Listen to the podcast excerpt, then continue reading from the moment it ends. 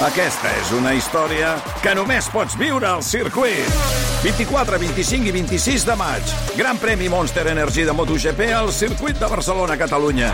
Compra ja les teves entrades a circuit.cat. Viu-ho!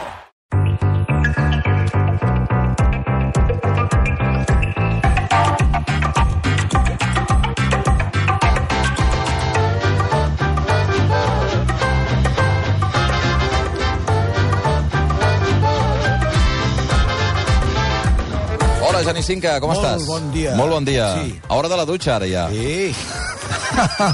Anem a intentar aixecar tot això. T'has preparat o no per la, el que ve, la voràgina del Nadal, ja? Sí, sí. A mi m'agrada molt aquesta època. Ja, home.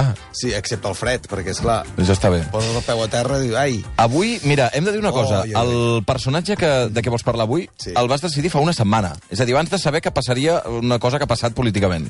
fa moltes setmanes que la tinc preparada, Sí? eh, però aquesta setmana vaig decidir que la faria. Mhm.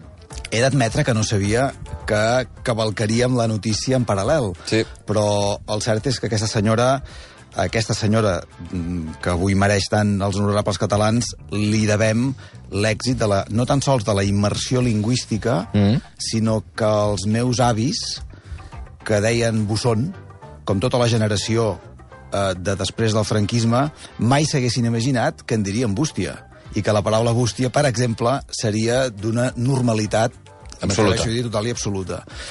L'Aina Moll, que és el nostre personatge d'avui, eh, és una persona molt especial, una filòloga de bandera, que va aconseguir un miracle, que no tan sols s'implantés aquesta immersió lingüística tan exitosa, sinó que es fes a través de tota aquesta vida de filologia en què juntament amb el seu pare, per exemple, aconseguissin anar publicant tot el diccionari catalano-balear-català, eh, eh, val- valencià, tota una feinada immensa al voltant de la, de la filologia catalana que ha fet que fins a dia d'avui doncs, aquí, en, encara, per, encara pervivim.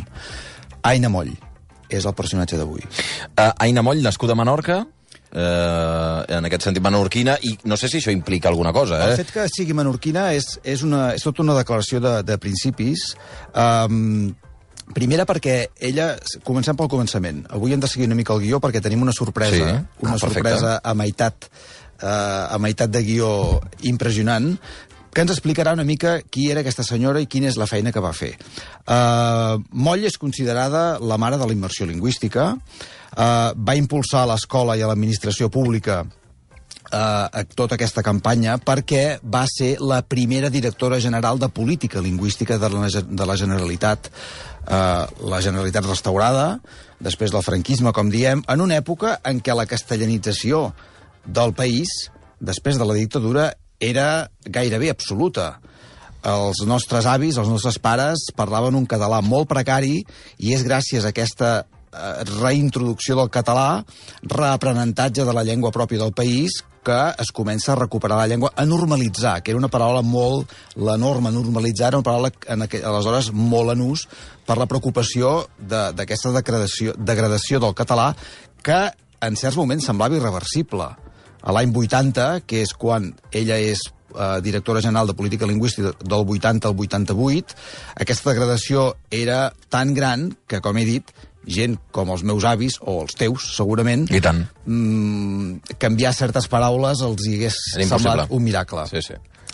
L'aleshores, um, també el primer conseller de Cultura de la Generalitat, en Max Kanner, tot un altre personatge principal en aquesta història, fitxa la Aina Moll per establir les primeres estratègies que les institucions democràtiques tenen a favor han d'aplicar a favor de la normalització lingüística. I l'Aina Moll, en aquest sentit, té un punt molt important per la sèrie, per com va anar aproximant al país i a la gent, com va anar popularitzant a l'ús de la llengua en, habitual al carrer, que és on s'havia anat perdent la batalla sota la, la dictadura franquista. L'Aina Moll, el que passa és que és tot un personatge, una, una dona amb una força impressionant, una dona amb una aparença fràgil, molt important, però a la vegada amb una fortalesa interior encara més interessant. I el fet que fos de Menorca, el fet que fos de Menorca, és tota una declaració de principis perquè hi ha el respecte a tota la varietat lingüística del, del català arreu del territori.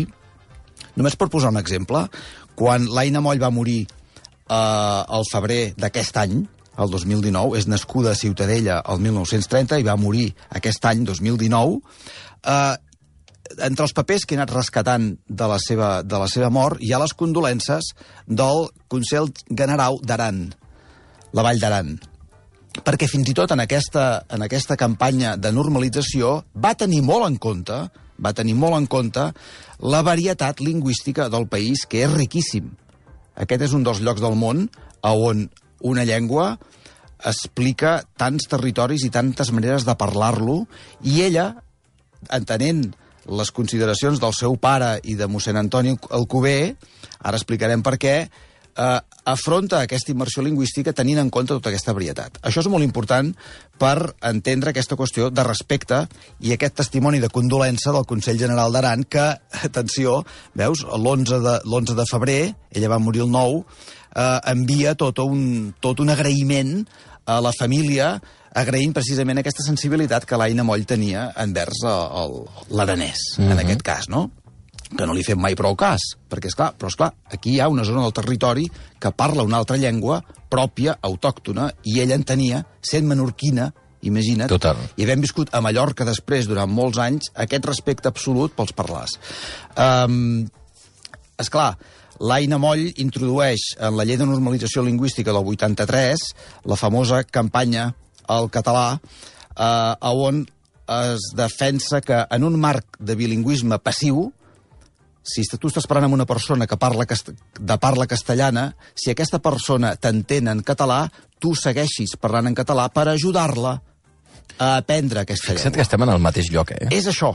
O sigui, continuem exactament al mateix punt on ho va deixar Aina Moll. és exactament el mateix punt on ho deixa Aina Moll, que eh, treu un seguit de... Eh, és, era, molt, era molt procliu al, al, al, als mitjans escrits, sobretot, mm -hmm. i he, he rescatat un article al País del 3 d'octubre del 1980 en què l'Aina Moll diu es necesario que todos los españoles, y no solo los catalanes, reconozcan y asuman que el catalán es la lengua propia de Cataluña, y que esto no es incompatible con el carácter de lengua común de todos los españoles que la Constitución reconoce al castellano. O sigui, sembla mentida que haguem de defensar una llengua de 7 milions de parlants enfront d'una altra que en té 400 milions. Mm. No s'explica, si no és a través d'un punt de vista polític. Per tant, aquesta defensa de la llengua i de la normalització és el que aquesta senyora va cavalcant al llarg de tota la seva carrera.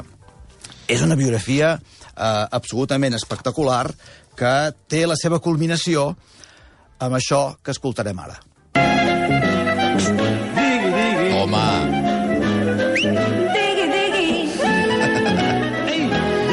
molt conscient de l'ús dels mitjans de comunicació en aquest sentit. Absolut. Clar, clar. Això és molt important. Ella era, ella era molt conscient... El digui-digui, per cert, eh, que no, que no ho hem dit, però en És fi... el digui-digui, això és el digui-digui. El, el, el programa Mira. de televisió de Catalunya. Mira, a l'Institut Lluís de Peguera de Manresa, quan jo feia segon de BUP, Sí, eh? va venir un japonès a classe i ens van dir avui vindrà el Masahiro, es deia Masahiro. I, I què volia, el Masahiro? El, va aprendre català.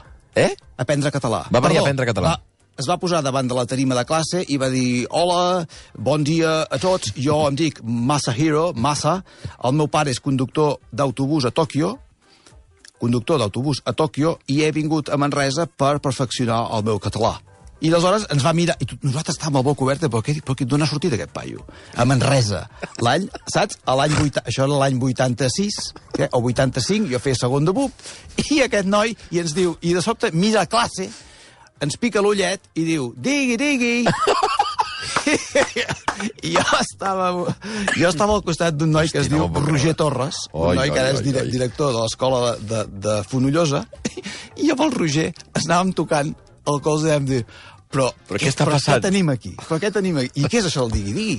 Esclar, mm. llavors aquest noi portava uns casets, uns casets, No a través dels quals a Tòquio, A Tòquio havia, après, el- el digui-digui. havia après català a Tòquio. I havia decidit que el, aquell curs de BUP l'aniria a convalidar a Manresa gràcies a, perquè volia perfeccionar el català. És clar, aquest noi ens va ensenyar els pronoms febles. Aquest noi ens va ensenyar els pronoms febles, perquè nosaltres encara no dominàvem això. Que hagués haver de venir un paio un noi que era, Directament una, de Tòquio. que era sensacional, perquè a més a més tenia una, donava una impressió de fragilitat, aquest, aquest noi, i aleshores eh, ens donava un sentit de fortalesa igual d'impressionant, que és el mateix que succeïa amb l'Aina Moll. Curiosament, els filòlegs al nostre país, amb una llengua tan maltractada i tan volgudament menyspreada com el català, ha tingut la sort de tenir personatges molt forts. El Coromines, el Pompeu Fabra, que era un esportista sensacional, i ara i l'Aina Moll, després, o el Solà. Gent fortíssima, amb un cap molt ben preparat, disposats a plantar cara a una castellanització que, és clar que és gairebé inevitable Clar. a través d'una simple defensa de la llengua pròpia del país. Però, és clar, aquí va passar una altra cosa.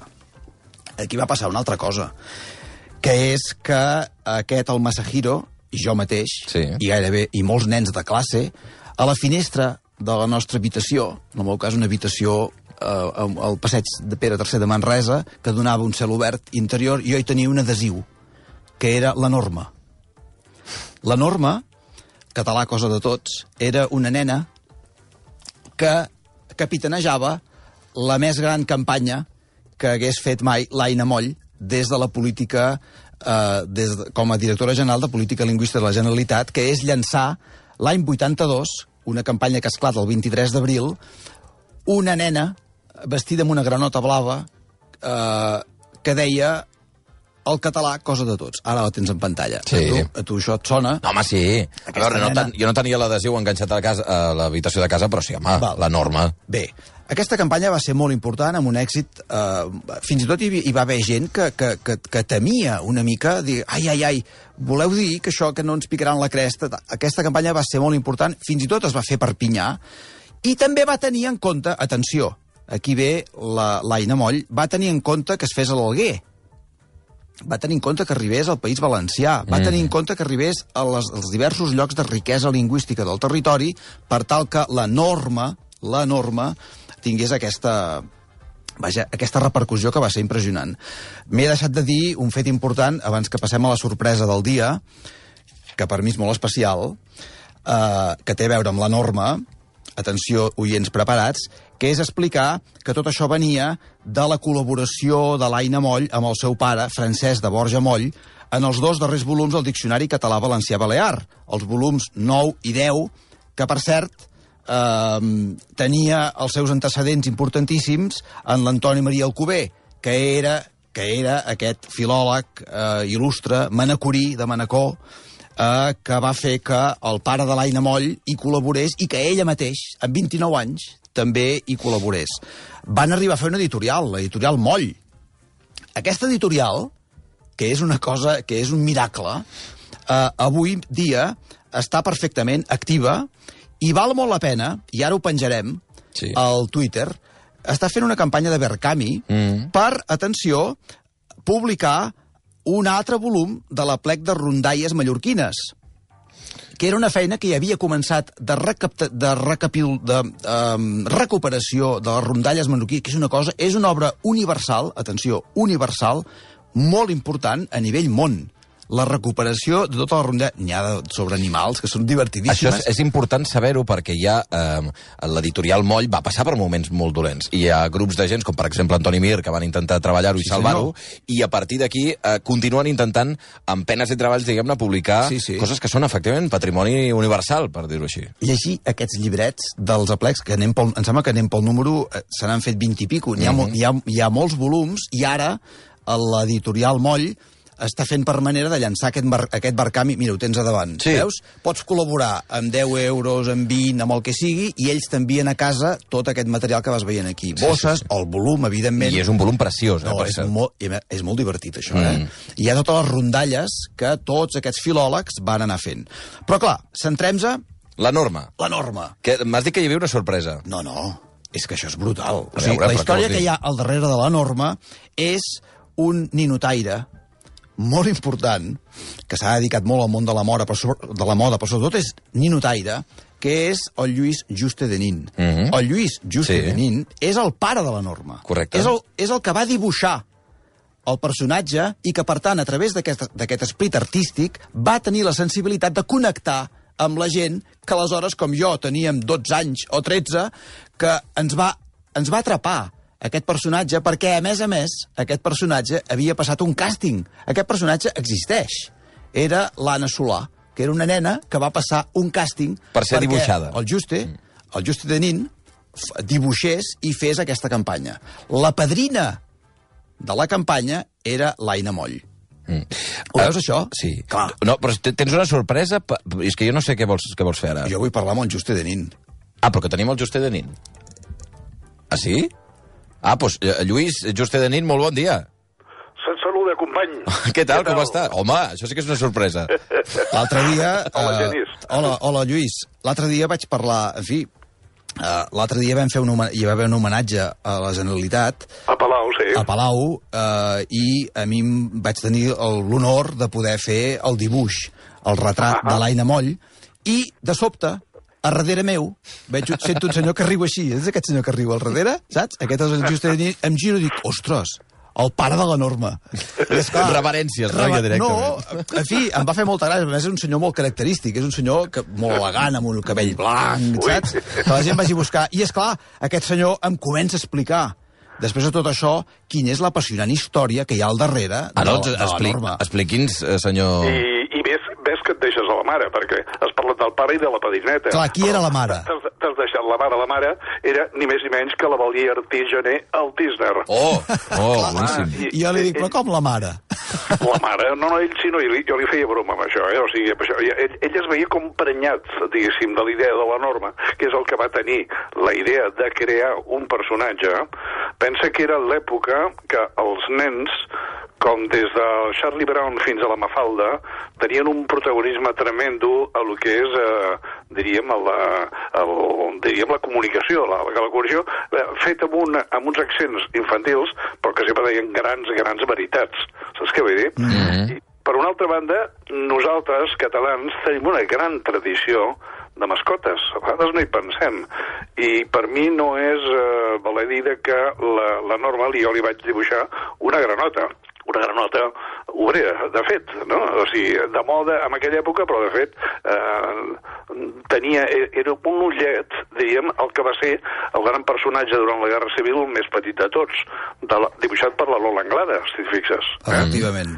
I, i eh, fins i tot prèviament podríem esmentar el patufet. Vol dir que nosaltres catalans hem sigut bastant, vull dir, per agafar-nos eh, temporalment, vull dir, a, un, a uns símbols, a unes mascotes que, que formen part de la nostra imagineria, diríem, no? Just el, el, el Genís deia que la nena existia.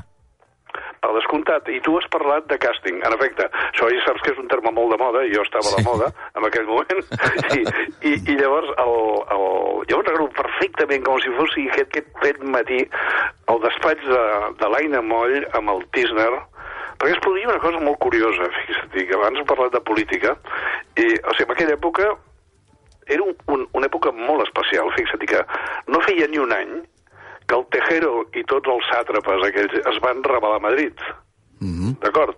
O sigui, 1981, mm -hmm. febrer. Mm -hmm. Feia un any només de tot això. Nosaltres vam començar la campanya, doncs això, eh, a a elaborar-la cap allà al febrer-març. O sigui, és a dir, un any després d'aquest clima que van provocar els colpistes, vull dir, el, el Milans del Bosc i, eh, Just, i, l'Armada i teníeu, gent. teníeu por eh, per, una, Home. per fer una campanya així, de, després d'un cop d'estat? A veure, el Tisner i jo anàvem entrenats, perquè nosaltres veníem del SUC, els dos, eh, del PSUC, eh, i per una altra banda, en aquell moment érem a nacionalistes d'esquerra, els dos. I llavors, la Generalitat s'acabava d'estrenar el 81 i, eh, diguéssim, ens va encarregar a dos de nacionalistes d'esquerra, curiosament, diguem-ne, la campanya. O sigui, de fet, va ser bastant transversal el tema i mm, es va fer, com, com has insinuat, la, la idea de fer un càsting per saber quin tipus de nena havia de ser aquesta que portés la campanya, no? Llavors, efectivament vam fer, doncs això, un càsting. Vam, vam cridar unes nenes que més o menys d'uns 9 anys, una cosa així i tal, i mm, em van veure molts, i tots, tots, els tres, vaja, els tres que estàvem en aquell despatx que et deia, eh, ens vam inclinar molt aviat cap a una que era una nena primeta amb uns, uns ulls enormes i expressius que a mi de fet, ja, ja, ja, ja, ja vaig fer una, una mena d'esbós i tot, allà mateix mirava, mm. com dir, aquesta, aquesta és el que ens toca. Una noia roseta, eh? I, i era l'Aina... Ai, perdó, i era la Anna Solà. L'Anna és la Anna Solà. Eh? Té gràcia perquè 30 anys després, 30 anys després, eh, quan el conseller de Cultura, Ferran Mascarell, va voler celebrar, diríem, el 30 aniversari de la norma, mm mm, ens vam reunir tots allà, sembla que era pel Roero, no sé exactament, ara no me'n recordo on, eh, i de, de fet, eh, es va abordar doncs, amb, amb aquesta nena que la vaig veure al cap d'uns dies. O sigui, imagina't, tu 30 anys després em vaig trobar amb la que havia sigut la font de la meva inspiració, diríem, no? I, però va passar una cosa, va passar que el senyor Vert, que tothom, de mala memòria, que tothom se'n recordarà, eh, ens va obligar a fer una segona norma, que va ser aquella que no deia el català cosa de tots ja, sinó que feia una cara molt emprenyada, a, diferent de, a diferència de la primera, mm. i que el, amb, amb el globus aquell que porten els còmics i tot això, deia no ens toqueu el català. Ja, o sigui, era, ja una, era una norma combativa, en aquest cas.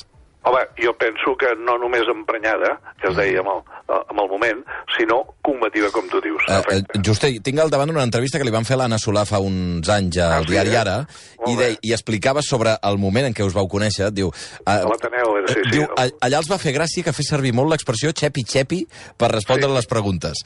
I el Tisner... Sí, li va agradar que respongués que m'agradaria disfressar-me de pirata, perquè totes les nenes, nenes deien que volien ser princeses. I a més a més, ell portava l'ull tapat i la meva sortida el va divertir.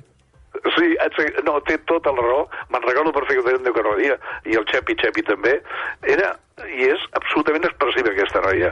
I el, el, el Tisner, a més, s'havia trobat l'entrellat i, i efectivament em donava... Perquè pensa que els guions eren d'ell. O sigui, el, el Tisner, els guions eren d'ell.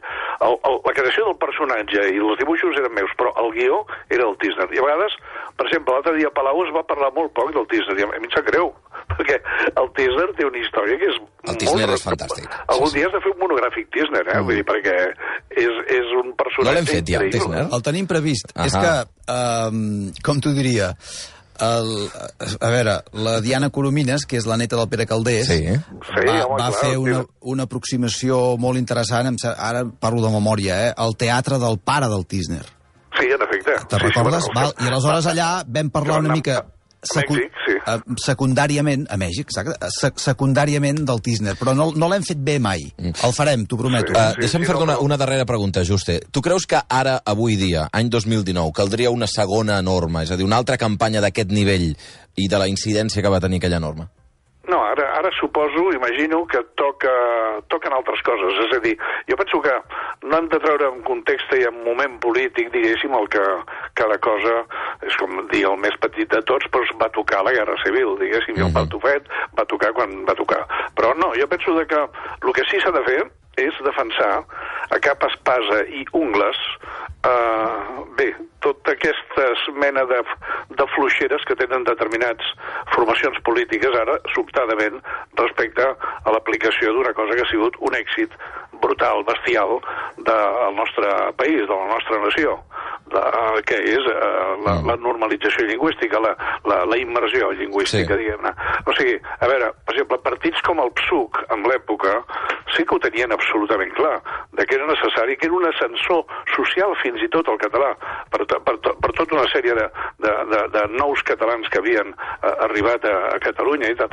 Eh, llavors, eh, el que és important és ser con conseqüents de que mm. nosaltres vam arribar a, diguéssim, a rètols de botigues, a, a, a l'escola, al món administratiu, diguem-ne, tot això es va lograr gràcies a aquest esforç col·lectiu nacional català i actualment, diguem-ne, torna a perillar. Torna mm. a perillar per incomprensió, per coses, per... no sé com es deu dir, fixa't en català la paraula ruïndats, no, no crec que sigui correcta, mm. però algú Ruïnesa. Mm, és una ruïnesa de determinades persones i grups respecte a aquest tema tan, tan, tan nostre. Lluís... O sigui, per tant, s'ha de fer un altre invent. La, la teva pregunta és, uh, s'ha de repetir la norma? No. S'ha de fer un altre invent, molt més contemporani, però amb el mateix sentit força i valentia que sempre. Lluís Juste Denin, ha estat un autèntic plaer. Moltíssimes gràcies per A acompanyar-nos. vosaltres. Gràcies. Salut, que vagi bé. Salut. Merci. I, Genís, eh, història apassionant, la de l'Aina Molle, d'aquesta història de, és, de la creació de la norma. Val molt la pena. Moltíssimes gràcies, Genís. Que tinguis bon diumenge. Igualment.